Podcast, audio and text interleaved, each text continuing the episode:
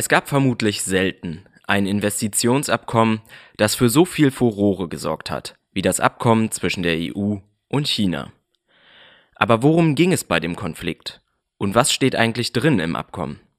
Wie genau soll es die Wirtschaftsbeziehungen zwischen der EU und China neu regeln? Und wie viel sagt es eigentlich zu Umwelt, Klima und Arbeitsschutz? Darüber spreche ich heute mit einer Expertin aus Hongkong und mit Merle Groneweg.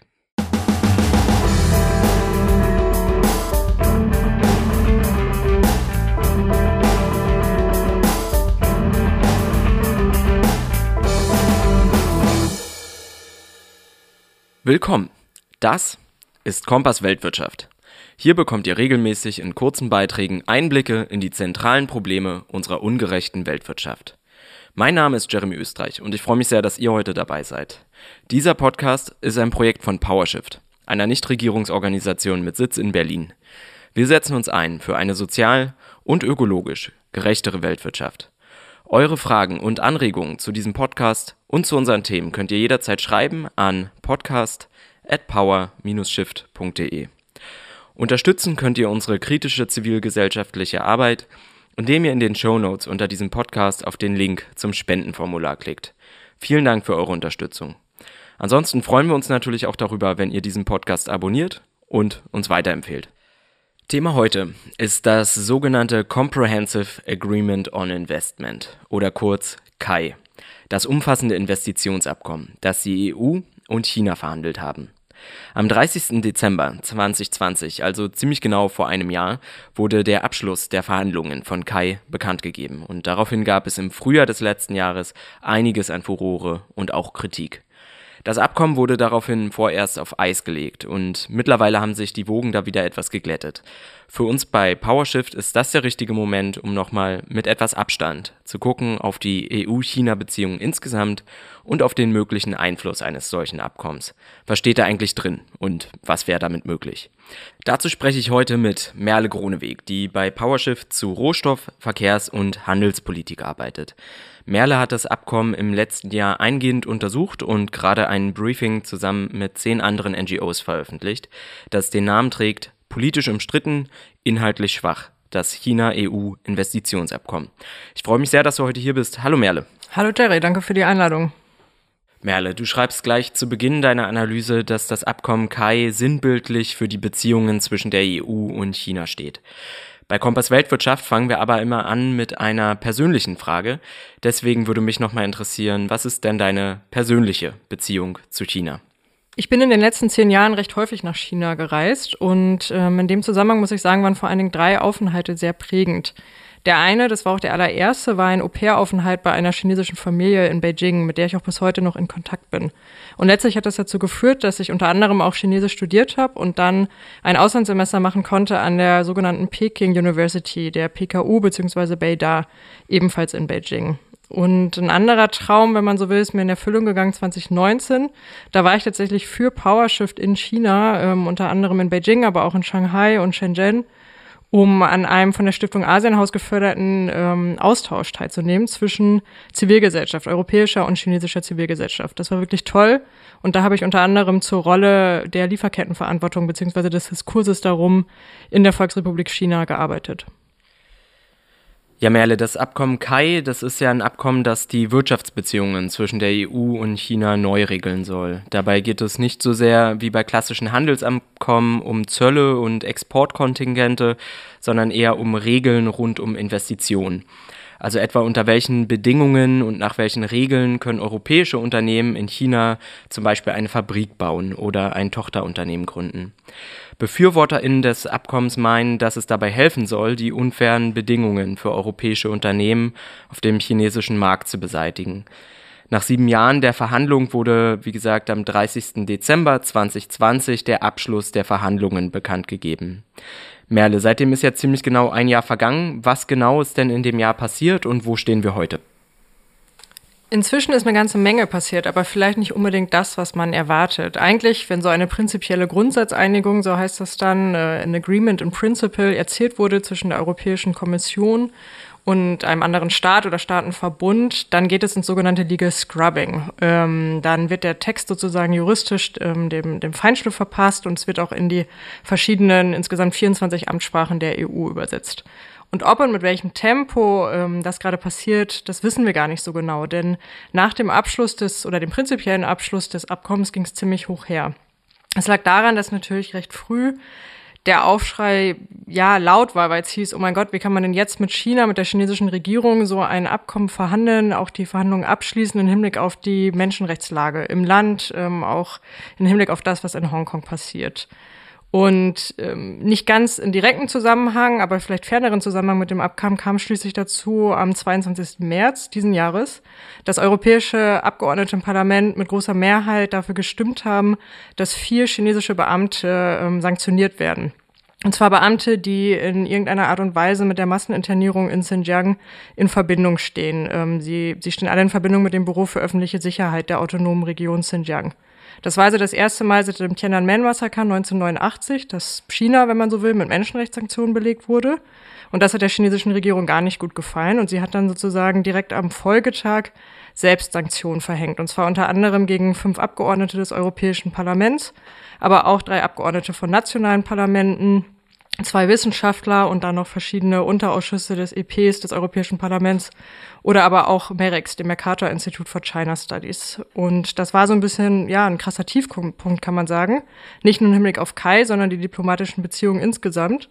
Und dann doch auch erstmal das Aus, weil am 20. Mai hat dann das Europäische Parlament gesagt, okay, wir werden dieses Investitionsabkommen gar nicht erst debattieren, solange diese Sanktionen gegen Mitglieder des Parlaments bestehen.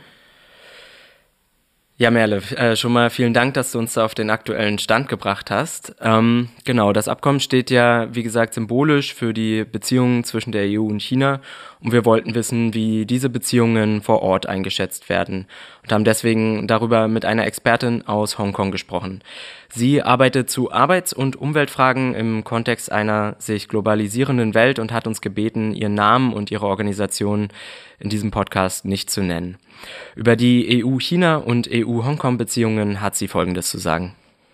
In civil society, EU Hong Kong relations are primarily discussed in terms of immigration policy because Hong Kongers are emigrating en masse. In der Zivilgesellschaft werden die Beziehungen zwischen der EU und Hongkong vor allem unter dem Gesichtspunkt der Einwanderungspolitik diskutiert.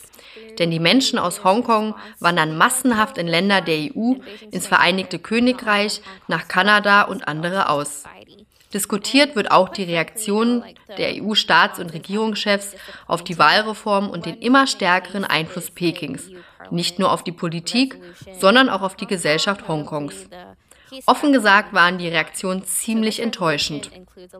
Ein prominenter Fall ist die Resolution des EU-Parlaments zu Hongkong, insbesondere der Fall von Apple Daily vom Juli. Diese Resolution enthält viele Erklärungen, in denen das Vorgehen Pekings verurteilt wird und fordert die EU-Mitgliedstaaten auf, die Uneinigkeit innerhalb der Union zu überwinden, damit sie konkrete Maßnahmen ergreifen können. Zum Beispiel die Rücknahme ihrer Auslieferungsabkommen mit China. Das liest sich für einige von uns ein wenig enttäuschend. Was die Einwanderung betrifft, so zielen die meisten Regeln in der EU immer noch darauf ab, hochqualifizierte Arbeitskräfte anzuziehen. Davon profitiert das Land, das die Migrantinnen aufnimmt. Da diese Art der Zuwanderung jedoch von den Fähigkeiten der Migrantinnen abhängt, kann sie klassistisch sein und in einigen Ländern rassistische Stereotypen aufrechterhalten. Diese Art der Migration schließt viele Menschen aus Hongkong ebenso wie Migrantinnen und Geflüchtete aus anderen Ländern aus. Ich würde also sagen, dass die Beziehungen zwischen der EU und Hongkong ziemlich wirtschaftlich ausgerichtet sind. Das ist bei den Beziehungen zwischen der EU und China ähnlich.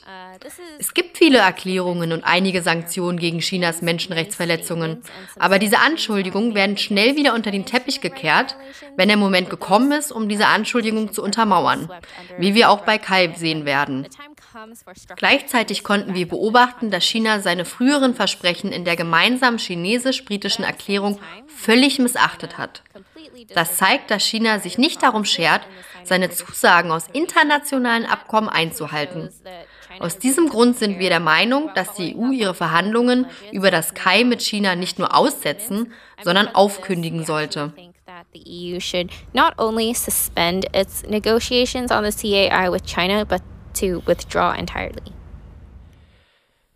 Ja, unsere Interviewpartnerin hat hier nochmal einen wichtigen Punkt kolonialer Kontinuitäten aufgewiesen, nämlich die Einwanderungspolitik der EU. Daneben verstehe ich sie aber auch so, dass auch sie das Kai-Abkommen exemplarisch für die EU-China-Beziehungen sieht. Merle, warum ist denn das eigentlich der Fall? Na, ich denke, das ist deshalb so, weil im Grunde genommen bei diesem Abkommen einerseits ganz konkrete wirtschaftliche Fragen verhandelt werden. Aus Sicht der EU-Kommission und aus Sicht äh, hiesiger Unternehmen geht es da um das sogenannte Level Playing Field, also ein, ein sogenannter gleichberechtigter Wettbewerb. Darauf kommen wir sicherlich später nochmal zu sprechen. Und andererseits finden eben Wirtschaftsbeziehungen, wie auch neulich das EU-Parlament so schön gesagt hat, eben nicht in irgendeinem Vakuum statt, sondern es gibt diesen gesamten politischen Kontext und der ist im Hinblick auf China grundsätzlich kompliziert. Es liegt einerseits an der Gemengelage mit den USA. Es gibt einfach immer stärkere Spannungen zwischen den USA und China sozusagen als großer Herausforderer dieser Weltmacht und dann die EU mittendrin, die so ein bisschen eigentlich die guten Wirtschaftsbeziehungen zu China beibehalten möchte und natürlich zugleich unter hohem Druck steht. Einerseits unter Druck im Hinblick auf die Menschenrechtslage, die Arbeits- und Umweltbestimmungen in China, und dem Wunsch danach, dass diese höher sind oder ähm, besser ausgestaltet sind. Und andererseits Druck aus den USA im Hinblick äh, darauf, dass man sich doch vielleicht ein bisschen wegorientieren solle, mehr gemeinsame Sache mit den USA da auch machen muss.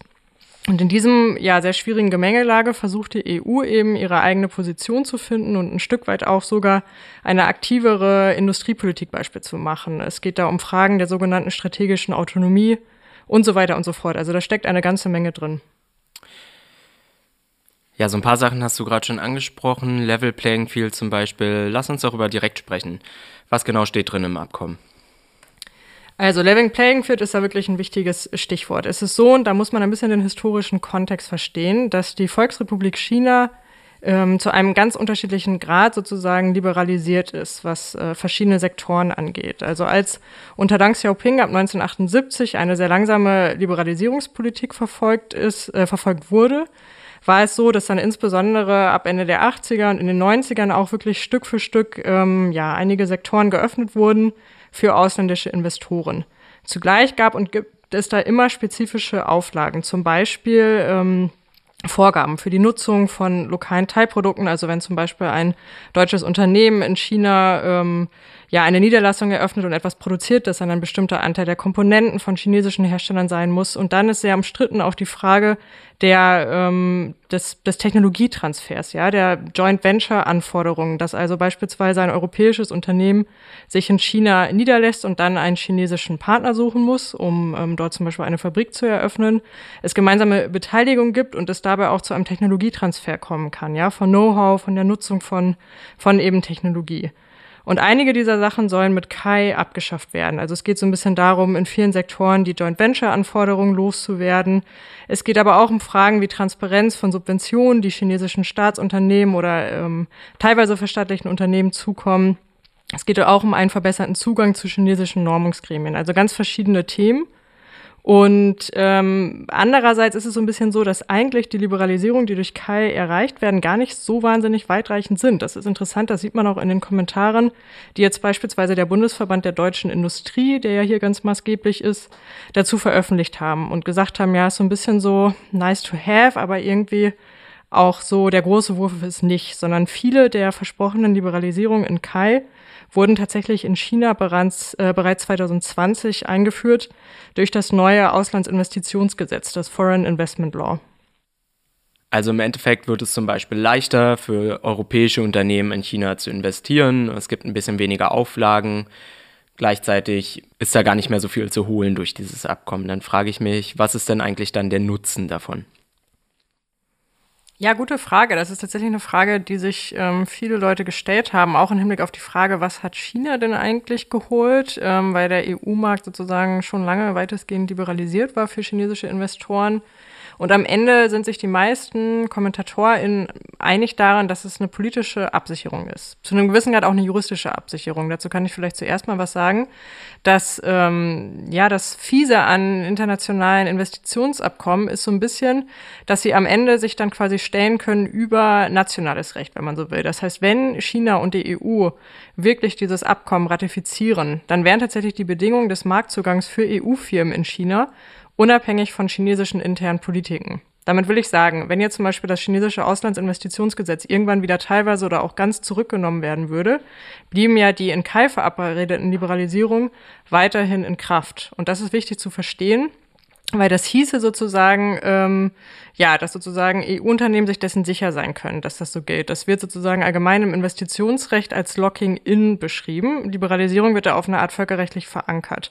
Und es kann wirklich nur dann rückgängig gemacht werden, wenn ein Staat, und das ist meistens ein politisch äh, sehr komplizierter Prozess, ein Abkommen wieder aufkündigt. Diese Problematik haben wir ja auch bei anderen Abkommen, wie beispielsweise ähm, dem Energiecharta-Vertrag.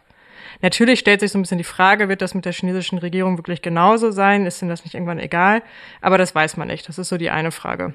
Das andere, was dahinter steht, neben dieser, sagen wir mal, völkerrechtlichen Absicherung, ist eine politische Absicherung. Das Abkommen wurde verhandelt, nicht zufällig, oder die Verhandlung abgeschlossen, ähm, nicht zufällig am allerletzten Tag der deutschen EU-Ratspräsidentschaft unter Präsenz von Angela Merkel, die ja auch so ein bisschen immer als Vermittlerin galt in den schwierigen ähm, Beziehungen zu China und insgesamt sozusagen da eine entsprechende Rolle hatte, auch in der EU.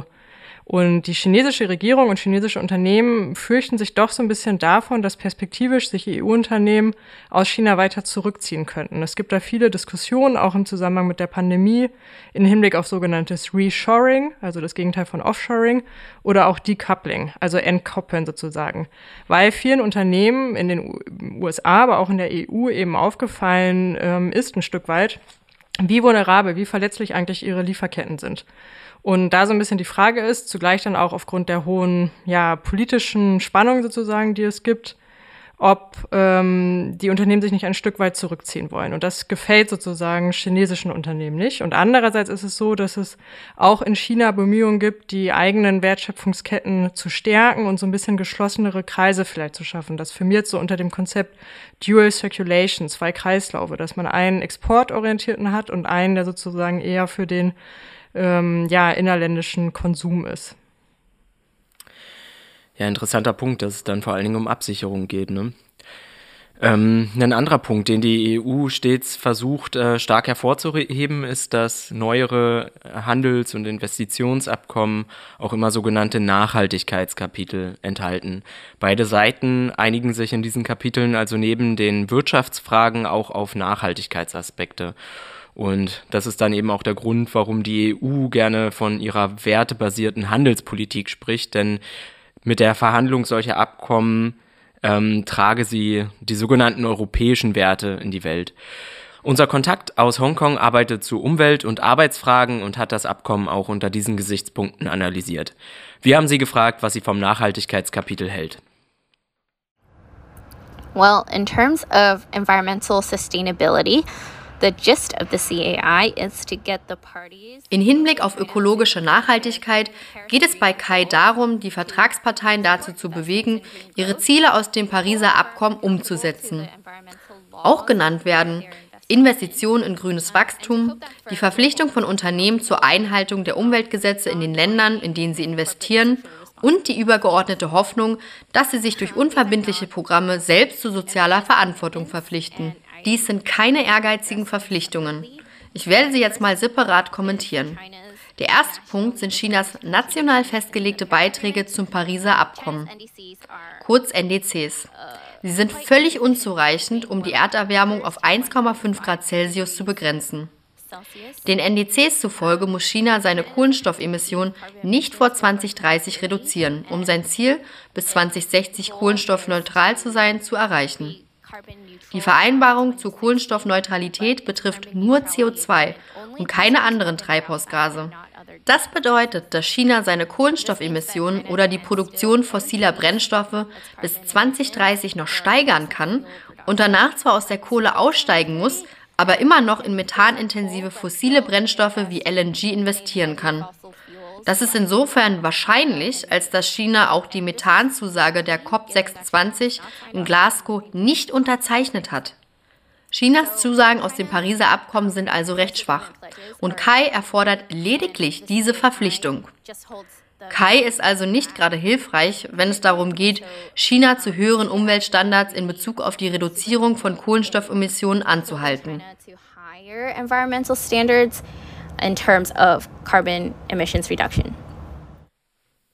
Merle, da war jetzt schon eine ganze Menge zu Umwelt- und Klimaschutz dabei. Könntest du das nochmal für uns ein bisschen einordnen? Also ich stimme meiner Vorrednerin auf jeden Fall in allem zu, was sie gesagt hat und würde es vielleicht nochmal untermauern mit ähm, dem, was für mich ganz zentral ist, nämlich, dass entgegen dem, was die EU-Kommission manchmal so behauptet, da einfach nichts Verbindliches drin steht. Und das ist ganz wichtig. Also in der Sprache, die in diesem Investitionsabkommen beziehungsweise in dem sogenannten Nachhaltigkeitskapitel, diesmal bei Kai ist die Bezeichnung etwas anders, aber was da drin steht, das sind so Vokabeln wie Bekenntnisse oder Anerkennung oder Förderungsvorhaben, ja. Also um mal sozusagen daraus zu zitieren, da heißt es dann, ähm, ja, beide Vertragsparteien erkennen den wichtigen Beitrag von Corporate Social Responsibility für die Stärkung der positiven Rolle von Investitionen für nachhaltiges Wachstum an. Und man denkt so ein bisschen, hä? Ähm, eine kleine Anekdote dazu vielleicht, als ich mich mit dem Abkommen intensiver beschäftigt habe, habe ich es natürlich ausgedruckt. Und immer wenn ich beim Schreiben war, habe ich verzweifelt diesen Nachhaltigkeitsteil gesucht, bis mich dann immer wieder eingefallen ist, oh Mist, den habe ich gar nicht mit ausgedruckt. Einfach weil er das Papier nicht wert ist, auf dem er steht. Und weil ich wusste, das kann ich einfach mit, ja, innerhalb von eigentlich einer halben Minute überblicken, was da drin steht. Also diese Art von Klauseln sozusagen. Und zugleich ähm, heißt es ja, ähm, die beiden Vertragsparteien haben natürlich relevante multilaterale Verpflichtungen in verschiedenen Bereichen, also der Umwelt äh, und der Arbeit sozusagen, eingegangen. Und das stimmt aber so noch nicht mal, weil es ist so, ähm, dass die Internationale Arbeitsorganisation verschiedene Kernarbeitsnormen hat. Da geht es um Vereinigungsfreiheit und das Recht auf Kollektivverhandlungen. Da geht es um die Beseitigung der Zwangsarbeit, Abschaffung der Kinderarbeit, Verbot der Diskriminierung in Beschäftigung und Beruf. Und diese Kernarbeitsnormen sind in acht Übereinkommen ausgestaltet. Und tatsächlich ist es aber so, dass die Volksrepublik China bisher nur vier dieser acht grundlegenden Übereinkommen ratifiziert hat. Und die EU-Kommission weicht da eigentlich von einem eigentlichen Standard ab und unterwandert ihn, indem sie eben ein Investitionsabkommen abschließt, prinzipiell ähm, in den Verhandlungen mit einem Vertragspartner, der noch nicht mal die acht Übereinkommen, die grundlegenden Kernarbeitsnormen sozusagen der ILO ähm, ratifiziert hat. Ja, okay, ich höre auf jeden Fall raus, dass da einige Aspekte ähm, fehlen, um so ein Abkommen tatsächlich nachhaltig zu machen und natürlich, dass du das Abkommen auch ablehnst. Ähm, mich würde jetzt nochmal interessieren, wie, äh, wie ist es denn möglich, darüber zu sprechen, ohne dabei zum Beispiel China-Bashing so zu betreiben? Ja, mit dieser Frage legst du echt den Finger in die Wunde. Es ist super schwer, muss ich sagen. Ähm, es ist schwierig, eine differenzierte Position zu formulieren und zugleich ist genau das die Aufgabe von uns als kritische Zivilgesellschaft, natürlich auch gemeinsam mit Partnern und PartnerInnen in Hongkong, in Taiwan und auch äh, in Festland China sozusagen. Ähm, und für mich ist ganz wichtig zu betonen, also unsere oder meine Kritik an Kai bezieht sich überhaupt nicht darauf, dass das Abkommen mit der Volksrepublik China abgeschlossen wurde oder ratifiziert werden soll, meine Kritik bezieht sich darauf, dass das Abkommen weiter ökonomische Liberalisierung zugunsten exportorientierter, global agierender Unternehmen und Investoren festschreibt und dabei allerdings Klima und Umwelt, äh, Menschen- und Arbeitsrechte letztlich missachtet. Na, und das hat es natürlich total gemein mit anderen Handels- und Investitionsabkommen, die die EU regelmäßig mit Drittstaaten oder Staaten verbunden verhandelt, beispielsweise eben ähm, EU-Mercosur oder äh, CETA, das Abkommen mit Kanada und so weiter. Und für uns ist halt eben klar, dass Klima- und Umweltschutz, Menschenrechts-, Arbeits- und Sozialstandards der Anker sein müssen und der Ausgangspunkt für eine Handels- und Investitions, ähm, für Handels- und Investitionsabkommen und entsprechend verbindlich auch darin ähm, drinstehen müssen.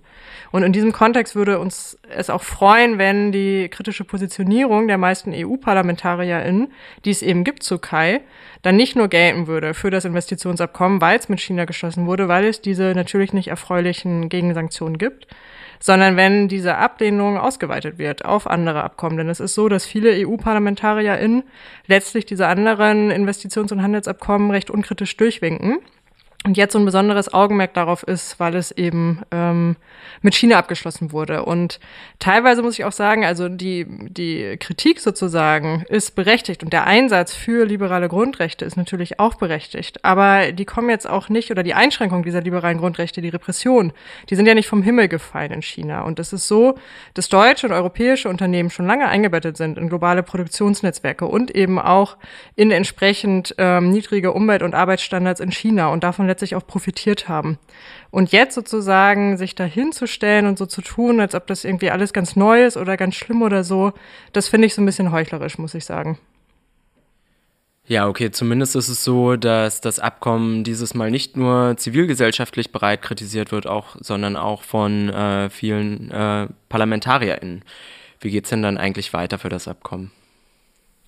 Ja, das ist ein bisschen unklar. Also im September 2021 hat das Europäische Parlament mit großer Mehrheit einen Bericht über eine neue China-Strategie der EU verabschiedet. Und daran halten sie einerseits an der Ablehnung von Kai fest und andererseits fordern sie nicht weniger als die Neuausrichtung der China-Politik der Europäischen Union. Und das wird jetzt auch mit dem neuen Koalitionsvertrag sicherlich äh, spannend zu gucken, was wird passieren unter ähm, einer SPD-geführten Ampelkoalition. Es gibt so leichte Tendenzen hin zu einer, wenn man so will, Erneuerung oder Stärkung der transatlantischen Partnerschaft. Und ich denke, es ist die Aufgabe der Zivilgesellschaft, das sehr kritisch und genau zu begleiten. Wie es mit Kai genau weitergeht, ist ehrlich gesagt unklar. Also die Ratifizierung war ursprünglich für die erste Jahreshälfte 2022 vorgesehen unter französischer Ratspräsidentschaft. Niemand weiß, wann es zur Ratifizierung, also zum Votum auch im Parlament unter anderem vorgelegt werden soll. Dafür müsste eben einerseits dieser am Anfang erwähnte Prozess des Legal Scrubbings abgeschlossen werden und letztlich, wenn das Parlament ähm, die eigene Positionierung ernst nimmt, dann eben die chinesische Regierung auch die Sanktionen wieder aufheben. Ich kann mir ehrlich gesagt vorstellen, dass Kai ähm, versanden wird, dass es schlicht und ergreifend in der Schublade bleibt. Unter anderem auch deshalb, weil es eben nicht so krasse, weitreichende Liberalisierung bringt, weder für EU-Unternehmen noch für chinesische Unternehmen. Das heißt, der politische Schaden wäre gegebenenfalls größer als der eigentliche ökonomische Nutzen, den einige sich erhoffen. Und nichtsdestotrotz, wie ich eben schon gesagt habe, ich glaube, man muss da genau aufpassen, genau hingucken. Und unsere Aufgabe als NGO, als breitere Zivilgesellschaft ist es, genau das solidarisch und im Austausch mit unseren Partnern und Partnerinnen in der Volksrepublik China, in Hongkong und auch auf Taiwan zu machen. Ja, Merle, schöne letzte Worte. Vielen Dank fürs Gespräch. Danke dir, Jerry. Und abschließend hat unser Kontakt aus Hongkong uns noch ein Statement dazu geschickt, wie eine andere Handelspolitik aussehen könnte. Wir teilen diese Forderungen und Hoffnungen und schließen unser Gespräch deshalb nun mit diesem letzten Statement aus Hongkong ab.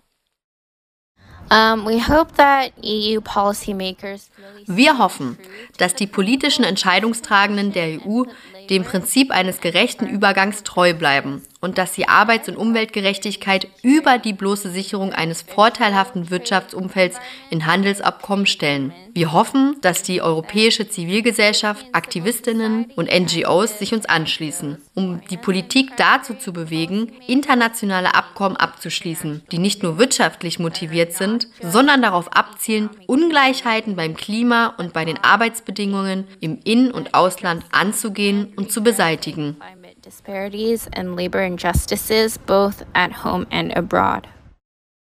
Wir haben heute also erfahren, dass das umfassende Investitionsabkommen zwischen der EU und China vor allem eine gegenseitige politische und juristische Absicherung darstellen soll.